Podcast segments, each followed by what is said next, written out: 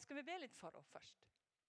Kjære himmelske Far, jeg bare takker deg for at Siri har fått et kall til å forkynne ditt ord. først Og fremst, og for at du har skapt henne som akkurat den hun er. Nå bare ber jeg at din, din velsignelse skal bare strømme gjennom henne og utover. Utover de som sitter her og utover, at det skal få konsekvenser langt utover dette rommet. Jeg bare ber at du skal komme og gi henne fred og glede og tålmodighet og bærenhet og godhet og alt det som åndens frukt, Jesus. Kom med Den hellige ånd. Velsigne og sånn. Amen. Da tenker jeg at du sier litt om deg sjøl, og så bare begynner du, og så ser vi hvor det går. Ja, Så ser vi hvordan det går. Takk skal du ha. Så fint. Altså, jeg er så Jeg vet ikke om det er uåndelig eller hva det er, at jeg har notater, da. Har ikke kommet dit i livet at jeg har alt just inside. Takk. og det var deilig. Det er helt strøkent. Så bra. Så utrolig fint å være her. Og jeg må bare si til dere Jeg vet ikke hvor jeg skal begynne. for jeg må si Det har vært en veldig fin morgen. For det første så bor jeg hos en veldig god venninne, Therese. Og det har vært veldig hyggelig. Jeg spiser frokost med henne. Og så møte dere i lederskapet og be sammen med dere. og Se hvordan dere står sammen. og kjenner jeg blir veldig velsigna av det. Og så få lov å synge lovsang med dere to, da. Where have you been all my life? Det var, eh, det var utrolig nydelig. Takk. Jeg tenker, ja, vet du hva? Så for en, jeg snakker om å ha en gave på en utrolig nydelig måte. Jeg kjenner, er, du sa at det er få menn som slipper inn her, men, men, men når Gud skapte mennesket i sitt bilde, da måtte det mann og kvinne til for å få fram hvem han var. Og jeg tenker, Når dere tjenestegjør sammen på den måten, så ser vi noe mer av hvem Jesus er. ikke sant? Og for en utrolig ja, Det er ja, fantastisk. Hjelp, du, dere hjelper oss til å tilbe Jesus veldig veldig vakker og nydelig måte. Det må jeg si. eh, Vi, det var godt. Så heldige dere er som har hatt, og veldig heldige er de som har dere. Eh, Det er jo liksom optimale drømmen. er det, damer? Det er litt irriterende for alle oss andre som ikke har en mann som kan sitte og trylle fram de lekreste tonene på gitaren. Og så kan vi liksom Jeg er veldig fornøyd med min mann, og vi får lov å gjøre masse rart i Guds rike sammen. Men akkurat det å synge sammen, det er liksom ikke det, det, det, Han er god på luftgitar, det er vel det nærmeste vi kommer til. ja, det var, um, flott å se og høre. Ja. Jeg merker at jeg blir et helt annet spor, men det er sikkert mange her som eh, ber for mannen sin. Det er det. Damene kommer alltid først Inn i Guds rike. Det er iallfall åtte av ti ganger. Så hvis du ber for mannen din, så må du bare holde ut. Yes. Spennende å være her. Veldig spennende, kjenner jeg. Eh, nå eh, er det litt sånn som hun sa her, at jeg kjenner jo ikke dere. Og noen av dere kjenner meg, noen av dere gjør iallfall ikke det. Men jeg er eh, Jeg heter Siri, som det er sagt, og har nådd en nettesum av 37 år. Og hjemme i Kristiansand så har jeg da én mann og tre barn. Så vi har, eh, vi har ei jente som er på full fart datt ned i hodet hennes, eh, treårstrassen. Eh, og så har vi en jente på full fart på vei inn i det prepubertale området i livet. Eh, på 11. Og så har vi en gutt som er seks år i midten. Og han er veldig irritert på den eneste gutten. Sånn at vi har henda fulle i heimen. Jeg jobber på Ansgarskolen og reiser litt, sånn som dette her. Og så forholdsvis aktiv, var det ikke det? Være på litt av hvert i menigheten i Vågsbygd misjonsmenighet, der vi hører til. Bare sånn, Har du plassert meg bitte litt om hvem jeg er? Og hadde jeg spurt så veldig pent, og det er glasset med vann. Hva var det? Kan jeg få det? jeg har en tendens til å bli sånn ørken i munnen, men det går fint. Takk, Therese. Jeg tenkte når jeg har fått forberedt meg, det, det skjer mye i livene våre. da, Det skjer alltid mye i livet, det gjør det for de fleste kanskje, men akkurat nå så skjer det ekstra mye. Det er mange det kan kanskje komme litt tilbake til, men eh, ah, vi er litt på flyttefot, og vi kjøper og selger, og det er helt litt sånn Texas i heimen. Og det, det bærer jeg litt preg av oppi huet mitt, kjenner jeg. Um, så her om dagen, i forrige uke, så hadde jeg endelig én fridag. Eh, og så fant Markus eldstejenta gå på skolen, ikke sant? og de to minste Vi fant ut at vi skulle sende henne i trassalderen i barnehagen. Og så skulle Markus og jeg være hjemme og kose oss. Det var planen. Og så ringte mamma og spurte om ikke jeg ville være med til Arendal og besøke vår, min svigerinne, som hadde overraska på bursdag. Jeg tenkte det skal jeg gjøre. Og Så kommer min mor kjørende, og idet hun går en dør, så sier hun men i alle dager, hvor er bilen din? Så gikk jeg ut i gårdsplassen og tenker ja, hvor er bilen min? Så tenker jeg, Nå er det noen som har stjålet bilen. Nei, nei, nei. nei, Jeg Ja, nøklene, da? Ja, de var jo selvfølgelig Jeg låste jo ingenting, verken hus eller bil. eller så bare sånne ting. De bare, Vær så god, kom og ta bilen her, så nøklene i. Og jeg ringer Espen på jobb og sier, vet du hva, nå Jeg tror faktisk at bilen er stjålet Ja, og nøklene sto vel i, sa han. Ja, jeg gjorde det. Åh, og så, sa han mannen som kjenner kona si, da. Du vil ikke ta en liten tur i barnehagen for å se om han står der? så, så sa jeg nei, sa jeg, for jeg kjørte til barnehagen. Og jeg husker godt at jeg kjørte hjem, sa jeg. Men det er klart, det, altså, fyrte mamma også opp under det der. Du kan jo bare kjøre ned, for det er ikke veldig langt. Og så kjører vi ned til barnehagen. Og det er ikke bare det at bilen min står der, men han står bare sudd opp i porten. Sånn som du parkerer når du bare skal fort inn og fort ut igjen. For det er så veldig uhøflig å parkere så fryktelig nærme inngangsdøra. ikke sant? Og der sto bilen med radioen på og nøklene i, og vær så god til hvem som helst. Og jeg bare, ok. Ja da, Så vi hadde bil. Eh, så jeg vet ikke om dere vet hvem dere egentlig har invitert til å komme hit i dag. Det er sånn lettere forvirra trebarnsmamma med å ha på å si huet i tørketrommelen og snakka nemlig med Therese om disse møtene, og da hadde jeg bokstavelig talt huet i tørketrommelen. Uh, ja. Men det er godt at Gud er god i kveld. Og det er jo noe med det at uansett åssen liv vi har, så midt i det livet, så får vi lov å tjene Jesus, og så får vi lov å bruke gavene våre. Ja. Og før jeg begynner for Det jeg skal si fra når jeg egentlig begynner uh, Jeg har skrevet her Til deg som egentlig ikke orker å være her. Jeg er helt sikker på at Når mange damer samles, så er du her som egentlig ikke orker å være her. Og du orker iallfall ikke å bli utfordra. Skjønner du? Og du vil så gjerne, men du bare orker ikke. Så har jeg lyst til å si at din tid kommer. Ja. Kanskje til og med at Gud ville forløse noe i deg i dag. Ja. Nye krefter. I alle fall nytt håp og nytt mot. Og til deg så har jeg lyst til å si at det, i den grad du er i stand til det, så vær åpen for Den hellige ånds lille vink inn i ditt liv underveis i hele dagen. At du skulle få lov å gå med nytt mot når du, kom, når du går ut herfra. Til du som er egentlig i tvil om du burde vært hjemme og sove. Og det gjelder egentlig oss alle sammen.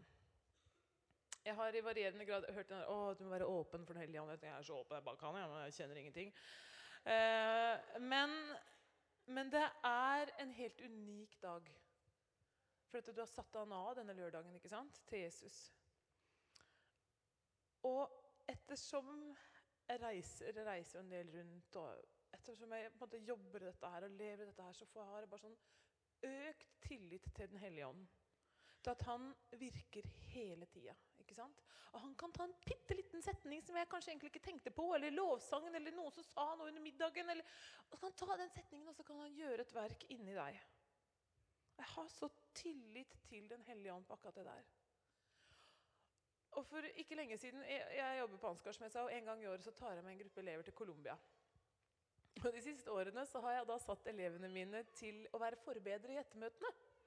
Og Det er veldig spennende i Colombia, for colombianere kan ikke et kvekk norsk og veldig lite engelsk, og mine elever kan ikke spansk. Og hva må du stole på da? Da må du stole på Den hellige ånd. Så sier jeg at dere skal bare be. Dere kan jo be Fader vår om dere vil. For bare, De skjønner ingenting. Men dere skal be om at Gud må røre ved de sine hjerter. ikke vel? Og disse elevene mine, de er jo noen de syns er så skummelt at de vet jo ikke åssen bein de skal stå på. Og så er de så sjokkert etterpå, for så skjer det jo noe når de ber. Så begynner de å gråte, og noen har kasta seg om halsen på dem og takker de veldig for bønnen. Og sånn virker Den hellige ånd. Uavhengig av vår prestasjon eller eh, vår opplevelse av hvor vi er i livet, så, så tror jeg har så veldig tillit til det at Den hellige ånd han vil virke i dag. Har mye mer tillit til han enn til meg sjøl. Jeg har veldig tro på forkynnelse. Jeg tror at troen kommer av forkynnelsen. Jeg tror det er kjempeviktig at jeg driver med. Men når Ånden får virke på ordet, da blir det liv. Um, ja. Og jeg sa det til disse damene før vi gikk ned her, at uh, jeg er veldig heldig, for jeg har en mamma som ber. Jeg har både en mamma og en pappa som ber, for så vidt, men uh, mamma er veldig på line. Og hun kom til meg i går og sa Siri, jeg har så tro for at i dag, eller denne gangen, det skal bli mer enn bare underholdning, mer enn bare moro. Det skal gå på dypet, Siri. Ja, det skal gå på dypet. Og da kjente jeg bare hvordan uh, gåsehuden kom og tårene kom. Så jeg, ja, det tror jeg. Tror jeg Den hellige ånd kan gjøre. Ja. Du, hold, du, skjønner at jeg holder på med sånne innledende bemerkninger. Jeg, jeg vil le litt av meg selv, for jeg er veldig god på innledning. Jeg kan lage 14 forskjellige innledninger, men jeg må, må en lang komme i gang. Men, eh, men, dette her er likevel sånne ting som ligger der da, ikke vel? Og så tenker jeg også på Det at det kan jo hende at du eh, er her, og at dette er liksom fremmed og rart, og at det er nytt, og du har blitt invitert med noen. Jeg hadde et møte i Porsgrunn forrige søndag. og Da var det en, en eh, dame som var der, som eh, ikke hadde vært på et møte på 13 år. for hadde på en måte gjort, Det var en del ting som hadde gjort at det satte seg litt i halsen på og, Uh, og så var venninna veldig sånn du må, du må få forbønn! Du må få forbønn av Siri! Siri, Så hun satt der og venta og venta. Og venta, Og så, og så fikk vi bare en sånn god stund hvor, hvor jeg kunne få lov å be for henne. Og så opplevde vi at Gud talte inn i livet hennes. Og så, så jeg veldig glad. Jeg kom og veldig glad for at hun venninna pressa meg til å bli bedt for. Altså, var det så lenge siden vært jeg tenker, altså, Uansett hvor vi er i livet, så, så, tror jeg bare at Gud har noe for deg.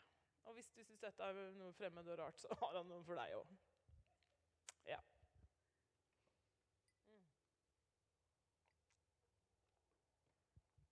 Vi har bedt, men vi kan be en gang til. Kan vi gjøre det? Ja.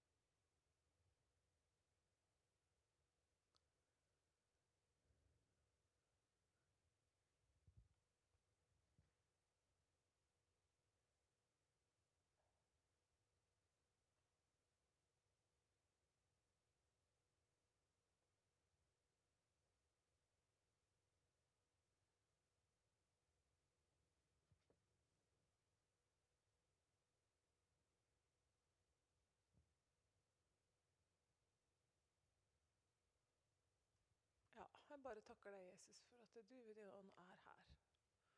Og da kan hva som helst skje. Og jeg ber deg om du skal gi meg nåde til å prøve å formidle det som jeg føler ligger på hjertet mitt. Og jeg ber deg om at uh, du skal gjøre resten.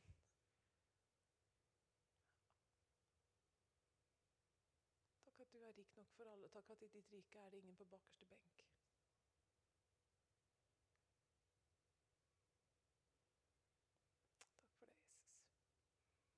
Amen. Yes.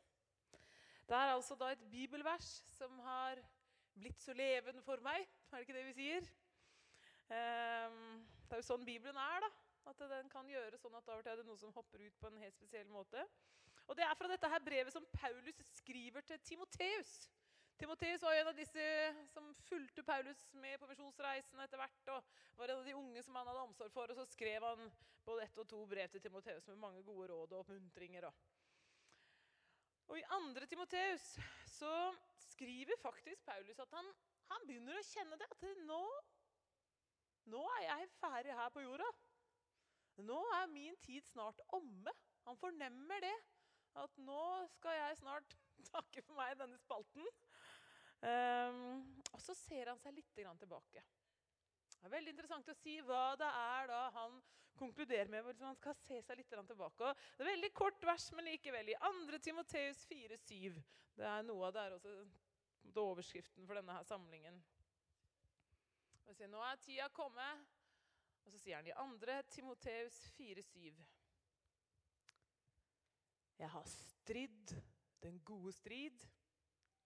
Jeg har fullført løpet, og jeg har bevart troen. Jeg har stridd den gode strid. Jeg har fullført løpet, og jeg har bevart troen. Og Det er et eller annet med de her versene som gjør noe med meg, som rører ved meg. Og jeg tenker, ja det er liksom Når Paulus skal summere veldig fort opp når han ser bakover, så er det de tre tingene han sier. Og alle som har levd mer enn et kvarter, vet at det er noen strider. Kveld er striden gode strid. Ja, det, det, Vi kjenner det, herre. Det er noen strider. Men han sier likevel at han har stridd den gode strid. Og Da tenker jeg, ja vel, det må det kanskje handle om at uh, han har stridd for det godes tjeneste. For noe annet enn seg selv. Han har ikke stridd for sin posisjon eller uh, for seg selv og sitt eget, men han har stridd på vegne av Jesus. ikke sant? Og for Jesus, ergo den gode strid. Men det betyr ikke at det ikke kan være litt stridig. Så han har stridd den gode strid. Og så sier Paulus og det er som aldri, Jeg vet ikke hvor mange ganger jeg har lest 2. Timoteus. Jeg har bare ikke tenkt på det. Bevart troen? Er det noe å skryte av, liksom? Paulus? Var det en issue for deg? Å klare å bevare troen? Du liksom ble møtt av et lys og slått av hesten og kom og datt skjell fra øynene og hellige og alt det han har opplevd. Var det en greie for han å bevare troen? Han ramler, ramser det opp, iallfall. Det syns jeg er utrolig oppmuntrende. Og jeg tror at det er noe som går rett inn i vår tid, hvor det står et slag om din og min tro. Om din og min tillit til Jesus. Litt upopulært å si at noen ting er sant, og bare det er sant. Ikke vel? Ikke helt politisk korrekt. Men han sier 'jeg har stridd en god strid, jeg har bevart troen'. Og så sier han den setningen som sikkert jeg kanskje kommer til å måtte være mest i. da. Og så har jeg fullført løpet. Og det tror jeg er på en måte noe av det jeg kjenner på som Guds hilsen akkurat til deg i dag. da. At han ønsker at du skal stride den gode strid. Du skal kanskje legge bort en del andre uviktige ting, men du skal stride den gode strid. Han sier, 'Å, jenta mi, du skal bevare troen.' Og så skal du fullføre ditt løp. Det finnes nemlig et løp for deg. En lom, en nisje, en greie, et spor. Du kan kalle det hva du vil. Noen kaller det et kall, en tjeneste. Ikke vel? A thing som er din. Som du skal fullføre. Og en dag, skjønne, vakre damer, så skal dere se dere tilbake. En dag skal vi se oss tilbake, så skal vi si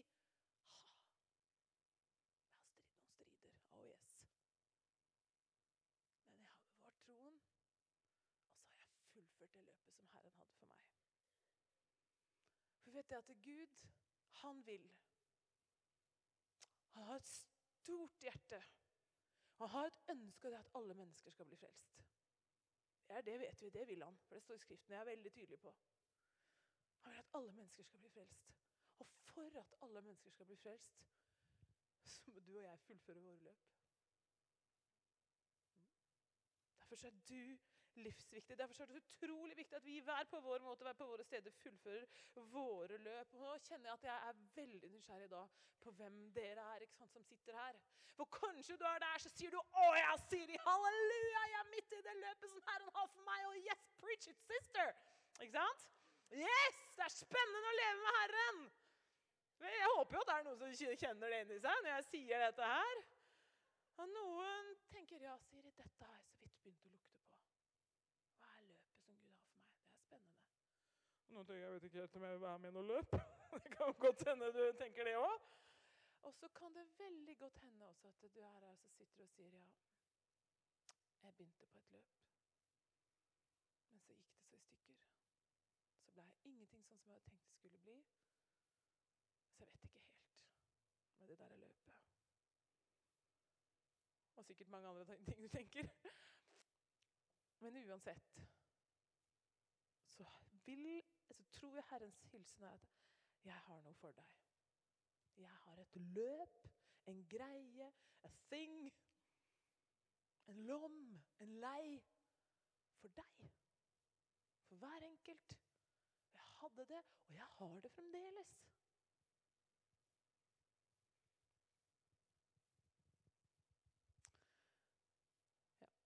Og i dette løpet, da Nå tenker jeg ikke nødvendigvis at vi skal løpe så fort og liksom, øh, kaste oss over målstreken. Jeg tenker mer på, på, en, på en, greie ikke sant, som fortsetter og fortsetter, og som er litt sånn skreddersydd for den enkelte av oss. ikke vel? Så tror jeg det er ting vi trenger, da. Et par-tre ting som jeg ønsker å peke på. Som jeg tror på den ene siden er noe vi trenger, og jeg tror det er noe Jesus ved sin ånd kan gi oss. Så jeg kommer liksom både med løsninger og problem på en gang. Det liker jeg veldig godt. Det er ikke noe revolusjonerende i det hele tatt. Dette kan jeg veldig godt, men jeg tror det er veldig viktig. For hvis jeg skal leve Jesuslivet, hvis jeg skal elske min neste som meg selv, holdt på å si elske min ektemann av og til uh, Henger dere med? Altså, hvis jeg, skal, hvis jeg skal gå løpet helt til slutt, så trenger jeg en økt tro på at Jesus er så bra som jeg tror han er. Tok du den? Jeg, tenkte på, jeg, jeg vet For meg å komme til Imi-kirka det er litt stort. For mange år siden så var jeg med i en sånn gruppe ut fra menigheten jeg gikk i. Og så fikk vi komme opp i det aller helligste her til pastorens kontor. Mr. Cave. Og, og, så sa han Jeg vet ikke hvor mange ganger Er du ikke med? Er dere med? Og siden det så har Espen jeg vet ikke, min mann ja, er, er, du med meg? sier Er dere med her nå? Er dere med? Så vi har en sånn ongoing ting på det der. da. Det er stort. Jeg husker det masse, Han har undervist uh, i pastorsamlinger som vi har hatt i Misjonsforbundet. Og har fortalt meg at han hadde bønn og faste hver onsdag. Det brente seg fast i mitt indre. altså. Vet ikke om han gjør det ennå, men hadde det da. Ok, Hvis vi skal leve Jesuslivet, hvis vi skal løpe det løpet som han har for oss, så må vi tror jeg vi trenger en økt tro på at Jesus er så bra som vi tror han er. At livets ånd og åndens liv faktisk er reelle ting som funker.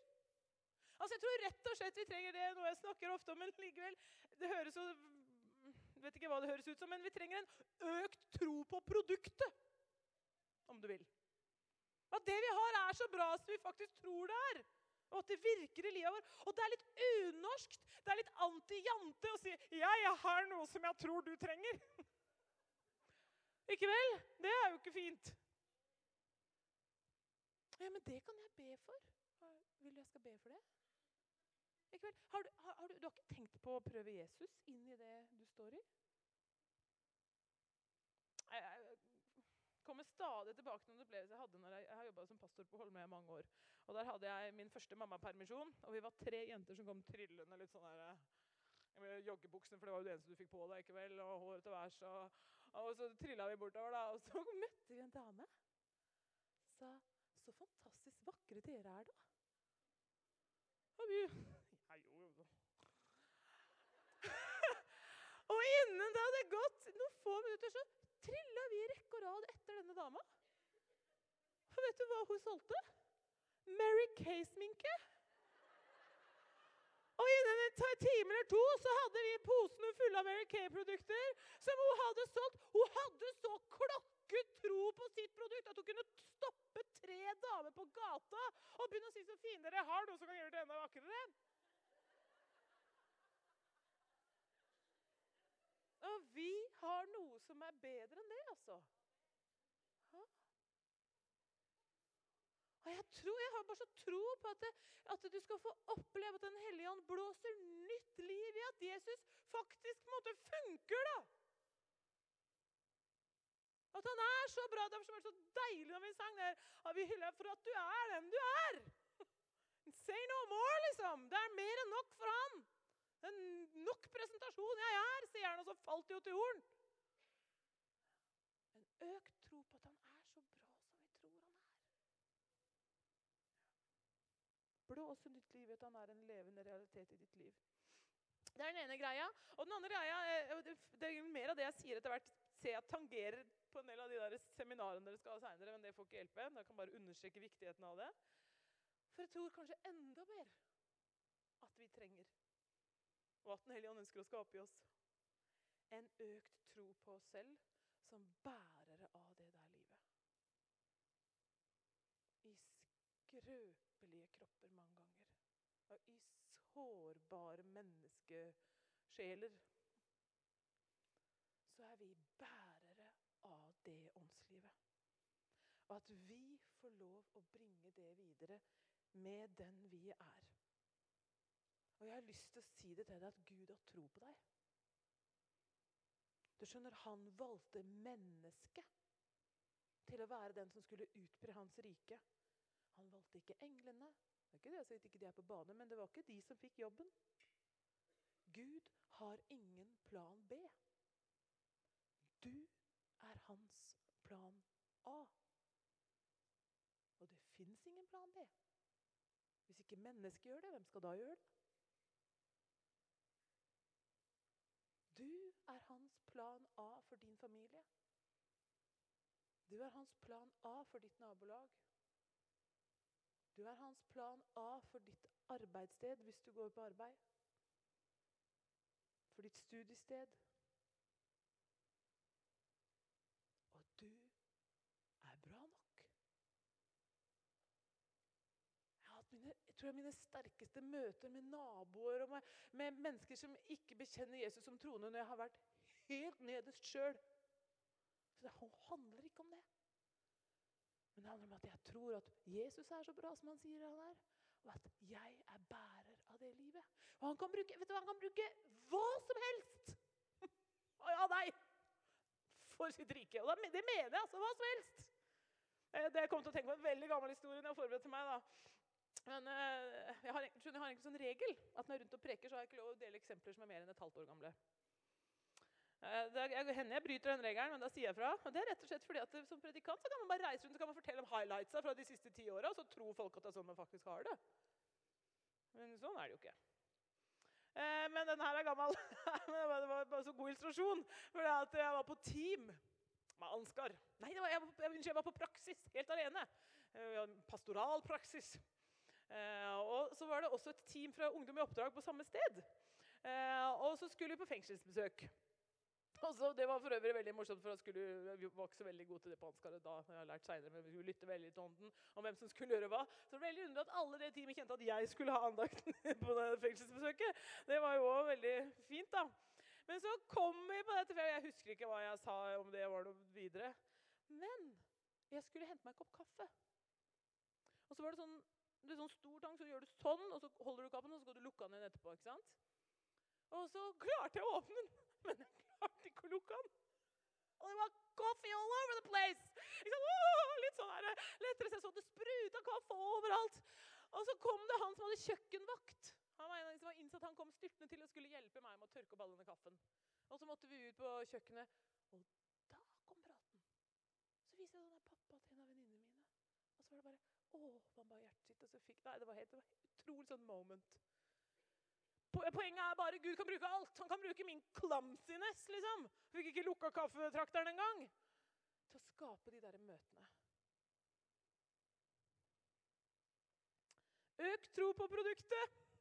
Økt tro på deg selv. Som bærer av det livet.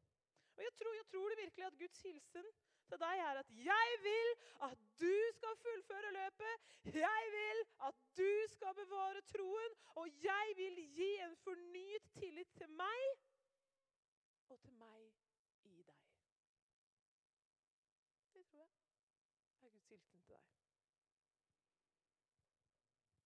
På Ansgars underviser jeg i noe som heter kreativ formidling. Og da gnåler jeg til elevene mine om at det er fint at du skal si å, vi må be mer, eller det er bra å lese Bibelen, eller det er fint å vitne. Og så er det i margen så skriver vi YBH. Yes, but how? Ja, men hvordan? Ikke vel? Nå har jeg skissert ja, det er veldig fint. Vi trenger en økt tro på at Jesus er så bra han sier han er. Og så trenger vi en økt tro på at vi kan eh, bære det livet videre. Hvordan får vi det? Yes, but how? Og det er mange ting jeg kunne sagt om det. Eh, vi skal ha noe etter lunsj også som på en måte er mer sånn hva heter det, historier fra levd liv. Men kjære søstre, det finnes en som er ekspert på dette her. En som kan skape nytt liv. Ny tro. Ny tillit. Ny åndelig selvtillit, som seminaret skal handle om.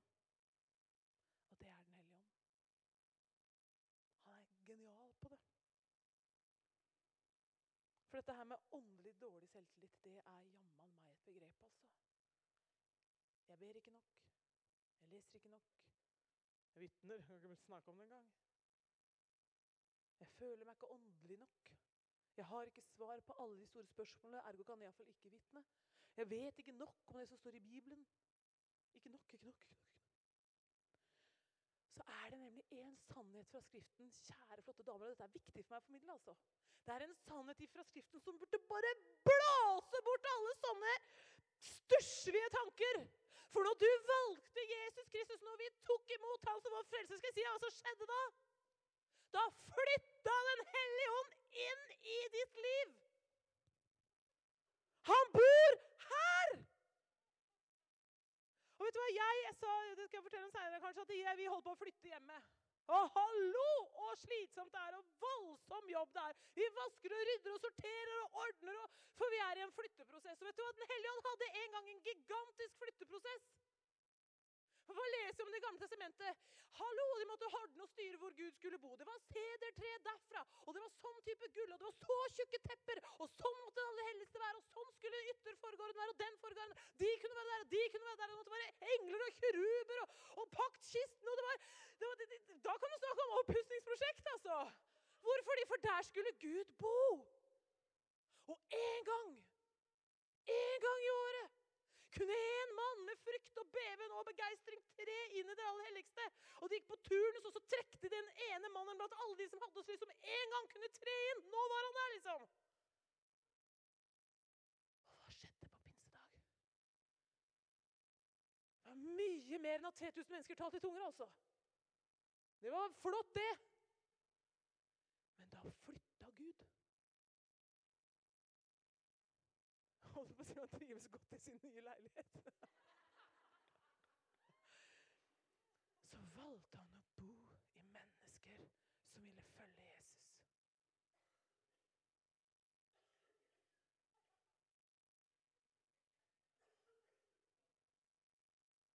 Hallo?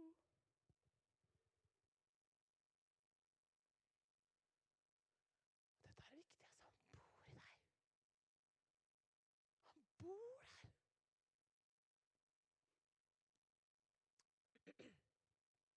Jeg leste en sånn, jeg har en gammel blekke av en som heter Nils Grimstad. Har vandret for lenge siden. Stor i Misjonsforbundet. Han skrev om at i jula så feirer vi at Gud kom til oss. Det kan vi i Norge. Gud kom til oss. Og på korset så husker vi Gud istedenfor oss. Halleluja. Og Kristi himmelfart og oppstandelsen, så feirer vi at Gud er for oss. Hvem kan da være imot oss? Han vant. Alle disse tingene tror jeg norske kristenheten har temmelig klart for seg. Han kom til oss. Han døde istedenfor oss. Han er for oss. Men hva er pinse? Er Gud i oss. Hvis du er vant til å tenke at han bor i deg, bor ved- troen i mitt hjerte. Men han bor der. Og kjære, kjære søster, at hvis vi skal fullføre løpet, hvis vi skal bevare troen, så er det akkurat som Jeg kjenner på to ting. På den ene siden Den hellige ånd sier da må du regne med meg. Han inviterer deg til å regne med han. Og på den andre siden kjenner jeg bare så er vi desperat avhengig av han. Altså, begge deler. Jeg kunne brukt begge deler. For det vet vi, men jeg må minne dere om at det å være en kristendamer, det er jo mye mer enn å være juridisk fri fra synd. Skjønner du hva jeg mener? Og så lykke til. Ja, men dere henger med på det jeg sier? Du har billetten himmelen, vær så god. Men det er et liv. Og Den hellige ånd jobber på spreng med å dra oss inn i Guds nærhet. Dra oss inn til Jesus. Jeg holdt på å si Hvis vi skal fullføre løpet og ha det litt gøy underveis, da må vi regne med Den hellige ånd. Henger vi med? Og Jeg skal gi noen eksempler, men jeg har bare lyst til å minne deg om hva Skriften hva, den sier om at Den hellige ånd bor i deg. Bare det er det er ikke noen sånn sær teologi der, eller noe sånt, men vi vet det. Er masse bibelvers. Jeg, jeg tror ikke vi skal ta tid til å slå opp, men jeg bare sier de. ok? Det, det er ikke så mange, men jeg tar noen. Du vet, Hvis du vil lese om talsmannen og trøsteren, så leser du Johannes 14 og 15. Og da, da beskriver Jesus det så nydelig at det er helt fantastisk. Men han sier i Johannes 14, 17 iallfall. Men han, sier han om talsmannen, han skal bli hos dere og være i dere. Er fint. Det er Jesus som sier det. Han, han, han er jo ganske spesiell. Han kan bare være hos og i. Men han blir hos dere og skal være i dere. Derfor, derfor er det bra at jeg dro, sier Jesus. Så talsmann, for han kan være inni dere hele tida. Ikke vel? Så slipper jo da til Israel for å treffe Jesus. Mm.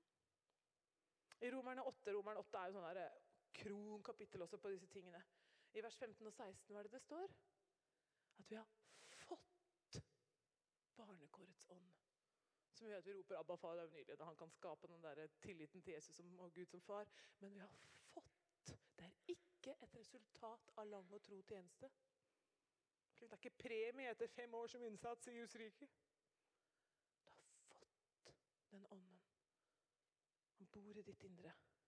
Og I samme vers, i samme kapittel, siden vi er i Romer 8, da, det er ikke noe med at han er i oss, men det er så fint likevel, for i vers 26 så står det på samme måte kommer Ånden oss til hjelp i vår svakhet. For vi vet ikke hva vi skal be om for å be rett. There? På samme måte kommer også Ånden oss til hjelp i vår svakhet. Og så har vi vært i 2. Timoteus, der Paulus skriver dette her om å fullføre løpet. Og litt før i samme boka så sier han i 1,14 Jeg syns det er så nydelig. Han sier til Timoteus nå må du ta vare på den skatten som er betrodd deg. Og så sier han Den hellige ånd, som bor i oss, skal hjelpe deg til det. Praktisk og greit. Den hellige ånd, som bor i oss, skal hjelpe deg til det. Og Johannes 6, 63, det er et langt kapittel. Det også var et, et annet ord som har hoppa ut til meg, som ikke er liksom fanga opp i den sammenhengen. men der, der Jesus forklarer egentlig masse om nattverden, og disiplene syns det er utrolig rart at vi skal drikke hans blod og spise hans kropp. Det har de ikke lyst til i det hele tatt. Dette er harde ord, sier de. det skjønner jeg veldig godt. Men da sier Jesus noe. Han sier det er ånden som gjør levende. Mm. Det er ånden, og her kan mennesket ikke legge noe til. sier han. Mm. Og det er sant. Det er ånden som kan skape liv i din tro. Og jeg tror Den hellige ånd vil virke resten av ditt liv. Så det er ikke det han har et helt liv å ta. Han har holdt på, Men jeg har litt tro for dagen i dag, da. At noe skulle forløses inni deg, slik at ånden skaper liv i din tro. Og du vet, det som er så nydelig, det er det at Den hellige ånd vil da hjelpe oss til punkt nummer én. Han har sagt å skjønne hvor bra Jesus er. For i Johannes 16, 14 så står det at det er en av de tingene Helligånd gjør. Han skal herliggjøre Jesus. Hvis du er veldig opptatt av Jesus og veldig glad i han, og har nok kanskje mer enn noe annet Den hellige ånd masse innspill i livet ditt For han er som en lyskaster som ikke egentlig er så interessert i seg selv, men veldig interessert i at du skal oppdage Jesus. Den hellige ånd er så mye mer enn tårer i øynene og gåsehud.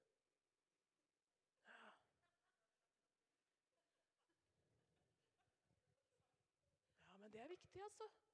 For hva skjedde når Den hellige ånd kom? Står det, dere kanskje komme tilbake litt senere, men Apostelens gjerning 1,8. Dere skal få kraft når Den hellige ånd kommer over dere, og dere kan bygge fornyelsessenter og gråte og falle i ånden. Nei. Dere skal få kraft når Den hellige ånd kommer over dere, så dere kan være mine vitner. Den hellige ånd gir alltid de troende bein å gå på.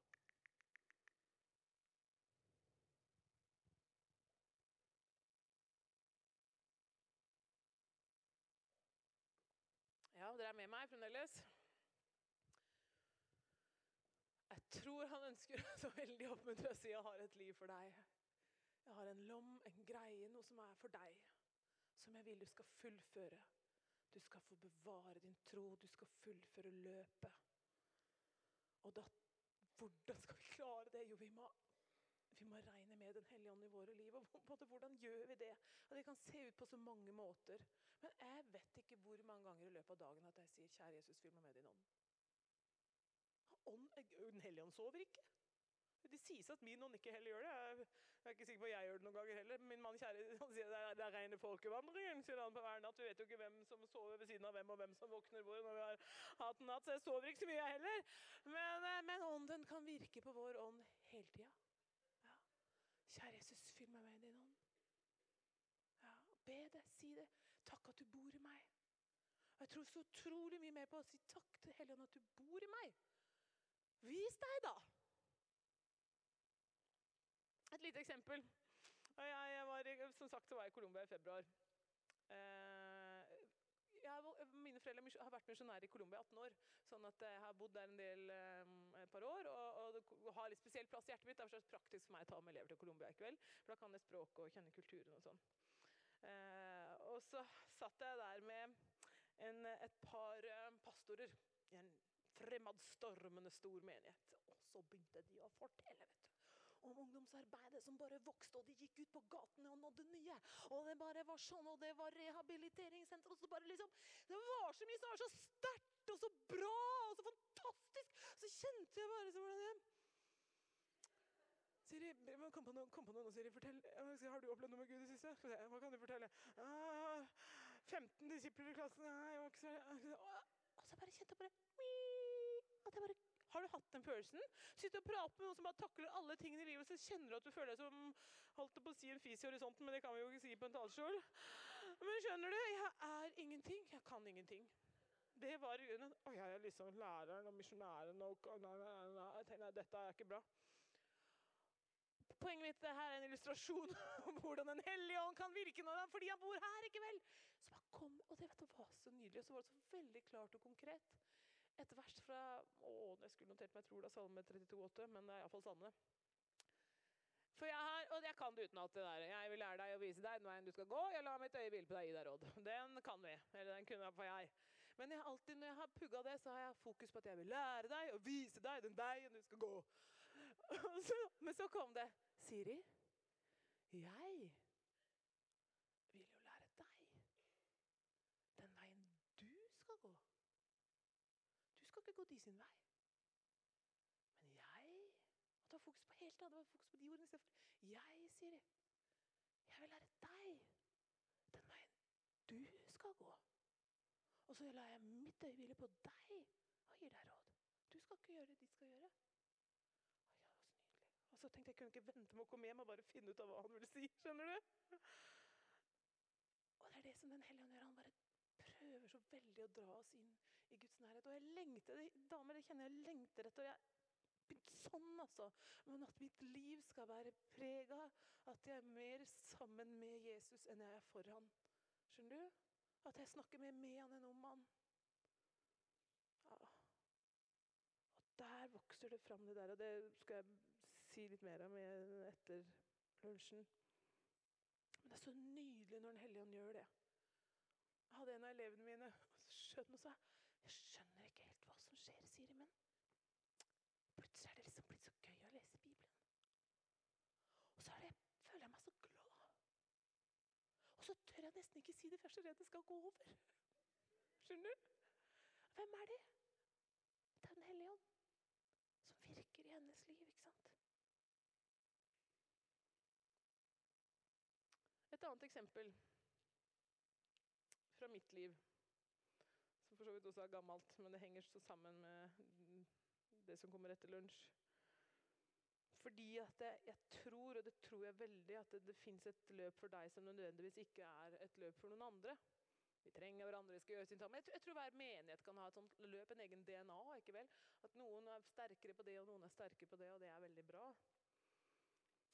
Fordi at når vi flytta til Kristiansand, da hadde vi altså plutselig, ikke plutselig, men jeg hadde mann, barn, bil og hus. Jeg jeg jo de, fire v-er. Det er altså vogn, Volvo, villa. Og så Det eneste jeg mangla, var vovvov. Ikke sant? Og jeg bare kjente med hele meg at det er etablert. Og så var vi på Liv og vekst. Det er det stevnet vi drar på i da.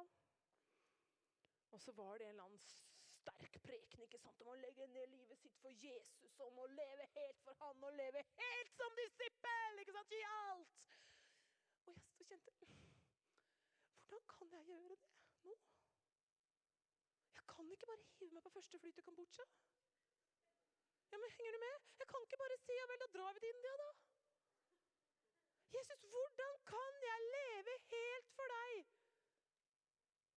Liksom på denne sida av 2000-tallet. Med mann og barn og hus og bil. Og jobb, til og med. Hvordan, hvordan kan jeg det? Og jeg gikk fram til forbund, og jeg gråt og gråt. Jeg er den de som elsker ettermøter, da. Vi er veldig forskjellige. sånn, Noen vil helst gjøre det stille hjemme, men jo mer svette og tårer og iver i ettermøter, jo bedre det er. Synes jeg. Så jeg. Men sånn er vi veldig forskjellige. Anne Mai, en av mine aller beste venninner, hun liker ikke ettermøter i det hele tatt. Eh, og syns at det er bare kaos. Det, det er bless you, sister, men jeg liker det, da. Og jeg husker ikke hvem som ba for meg, eller noen ting, men jeg, jeg husker bare at det kom en liten setning.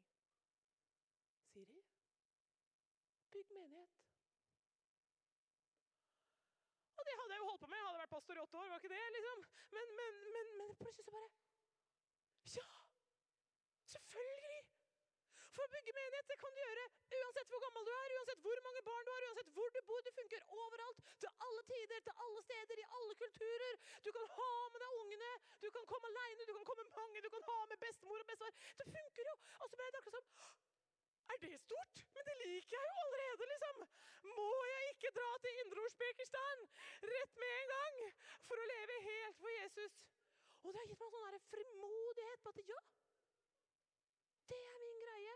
Og det betyr, da Jeg reiser jo jeg rundt og preker, og sånt, men da tror jeg også jeg bygger menighet. For jeg håper at du skal komme tilbake til den menigheten du går og bare fyre flam for Jesus. og så bygger vi menighet.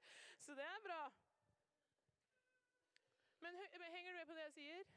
Det er bare sånn hvordan Den hellige ånd kan være. ikke vel? Her, nå burde vi hatt vitnemøte, for dere har mange flere historier på dette her enn det jeg har. Nå aner jeg ikke hvor lenge jeg holdt på. Ja, jeg, føler, nå, jeg, jeg, har, jeg, går inn for landing som om ikke fryktelig lenger, skjønner du. Uh, ja, jeg gjør det. Ja, absolutt. På mandag Ja, på mandag så Dette her lever veldig meg om dagen, da. Ja, det må jeg bare si en parentes, at jeg hadde på ingen som helst måte tenkt å si ja til dette møtet, altså.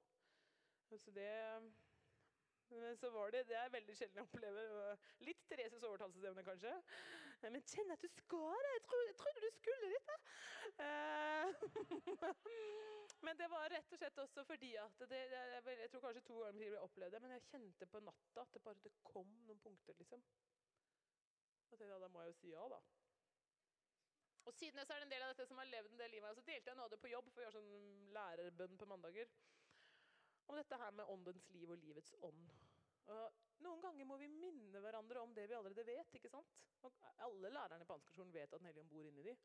Men likevel er det akkurat som vi kan glemme det, at han liksom sier 'hallo'. og da kom Ingrid Eskilt, en av våre fant Åh, Hun skulle dere hatt her en gang. altså. Fantastisk, fantastisk dame kom hun til etterpå og sto tårene og fortalte om et TV-program hun hadde sett. Apropos ånden kan bruke hva som helst. Hun hadde sett et, et sånt naturprogram om en eller annen ørken hvor de, så de fulgte forskjellige dyr, bl.a. noen elefanter. De var, så, de var, så, tørste at de var helt sånn her og for det, Men de visste bare at det av og til så smukker det til, og så kommer det et regn, og der blir det en oase. Og så visste jeg akkurat som bare naturen leda de til at det der var det en oase. Så så de liksom hvordan alle dyrene bare spiste og drakk og kom til krefter i denne fantastiske oasen. Som bare fordi det skjedde så fort i ørkenen, og når vannet kom, så bare sprang det opp. Og så ser de på meg og sier, og Siri, så opplever jeg Gud si det var sånn jeg tenkte at mine barn skulle være i denne verden. Sånne oaser hvor andre tørste sjeler kan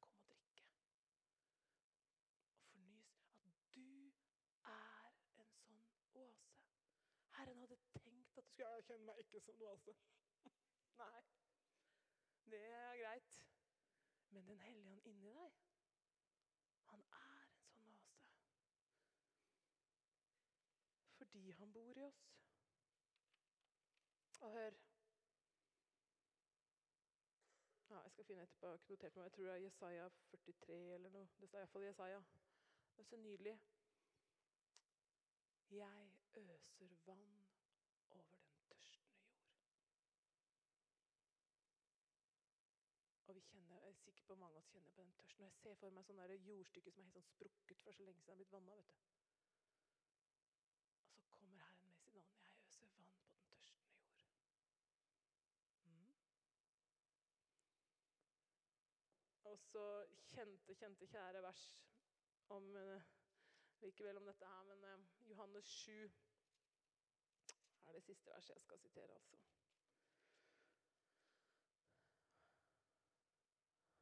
Det er så nydelig. Eh, Johannes 7, 37. For det står at det der på den siste dag i høytiden, den store festdagen, så sto Jesus fram, står det.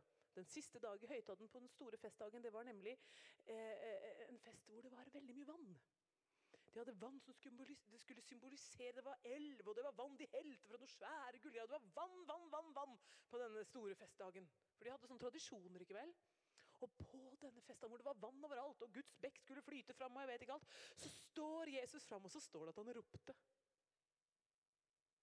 Nei, Jeg syns det er deilig. Jeg føler meg av og til at jeg kan bli litt sånn ivrig i stemmen. Men Jesus ropte. Da var det viktig. Og hva ropte han? Den som tørster. La han komme til meg og drikke. Den som tror på meg, fra hans indre skal det, som Skriften har sagt, renne strømmer av levende vann. Og så forklarer Johannes så fint. Dette sa han om den ånd de som trodde på han, skulle få. For ånden var ennå ikke kommet, fordi Jesus enda ikke hadde fått del i herligheten. Så han forklarte dette er før pinte, men Jesus er litt forut sin tid er ikke vel. Dette sa han om den ånd de som trodde på han, skulle få. Den som tørster. Og jeg tenker Det er sånn dobbelt budskap i det. På den ene sida er det at det, vi som er her, tørster. Etter at uh, han skal øse vann over den tørstende jord. At det er vi som er den tørstende jord. At den forventningen som jeg har snakka om i hele talen, om at han vil gjøre noe inni oss uh, ved sin ånd for å fornye din tillit til Jesus og på en måte til deg selv som bærer av dette Kristuslivet, det kan han gjøre.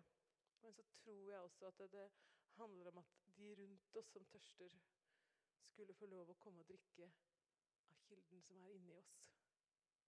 Sånn som vi er i vår hverdag, i vår sårbarhet, i våre sprukne leirkar, som vi liker å snakke om. Så kan andre mennesker drikke. Og begge disse tingene tror jeg ligger i det. I det. Jeg har sagt til, til, de som arrangerer dette her, at jeg har veldig tro på både forkynnelse og hele opplegget, men i dag har jeg veldig tro på et.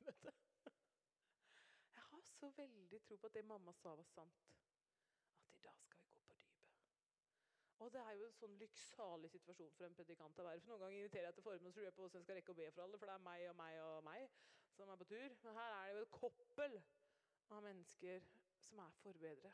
som er her for deg, og som har tid til å be om at Herren må forfriske ditt indre.